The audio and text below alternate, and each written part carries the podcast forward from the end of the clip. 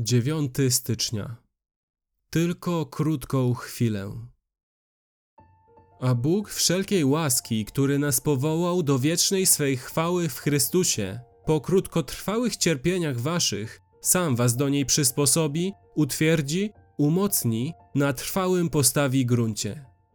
1 Piotra 5:10 Czasami pośród nieszczęść i zwyczajnych stresów dnia codziennego może zdarzyć się nam wołać: Jak długo, o Panie? Nie widzę nic ponad dzisiejszy ból.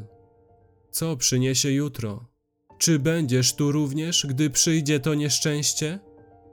Odpowiedź na to pytanie jest bardzo istotna, bo Jezus powiedział: Kto wytrwa do końca, będzie zbawiony. Marka 13:13. 13. Drżymy na myśl o byciu między tymi, którzy się cofają i giną. Hebrajczyków 10:39. Nie możemy sobie tutaj robić żartów. Cierpienie jest strasznym zagrożeniem dla wiary w przyszłą Bożą łaskę. Dlatego cudownie jest słyszeć Piotra, obiecującego cierpiącym i zmęczonym chrześcijanom.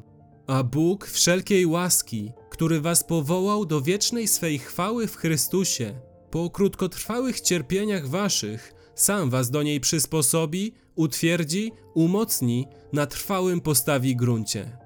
1 Piotra 5:10 Zapewnienie, że nie będzie on zwlekał dłużej niż jesteśmy w stanie znieść i że zetrze skazy, które opłakujemy i że ugruntuje na zawsze to, co tak długo się chwiało, to zapewnienie pochodzi od Boga wszelkiej łaski.